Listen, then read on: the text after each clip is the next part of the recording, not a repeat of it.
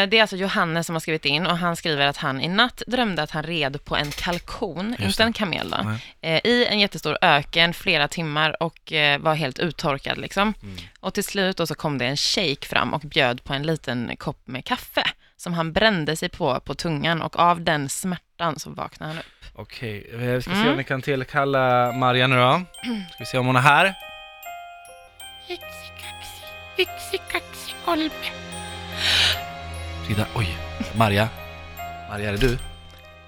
Ja. Okej, shit. Okej, eh, varsågod. Tack för att du har kommit hit.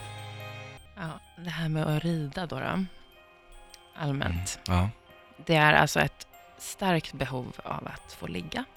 just det. Mm. Vill han rida en kalkon eller? Ja, alltså kalkonen är ju, eh, det visar ju för det första på en fetisch för djur. Okej. Mm. Och eh, kalkoner, de gröper man ju ur.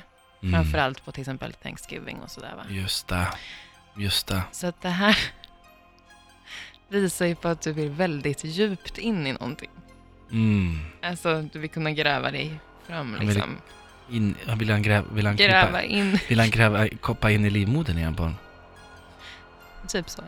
Mm. Mm. Och öknen då? Öken, ja. Ja. Ja, det betyder ju alltså helt klart torra tider. ja. Det är torrt. ja. Så det här behovet är väldigt, väldigt starkt. Just det. Mm. Och kaffet där som kommer på slutet av den här shaken, Mm.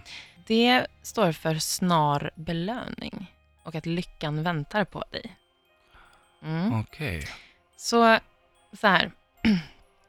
Det din dröm egentligen visar, Johannes, det är att du kommer få ligga med ett djur inom en väldigt snar framtid.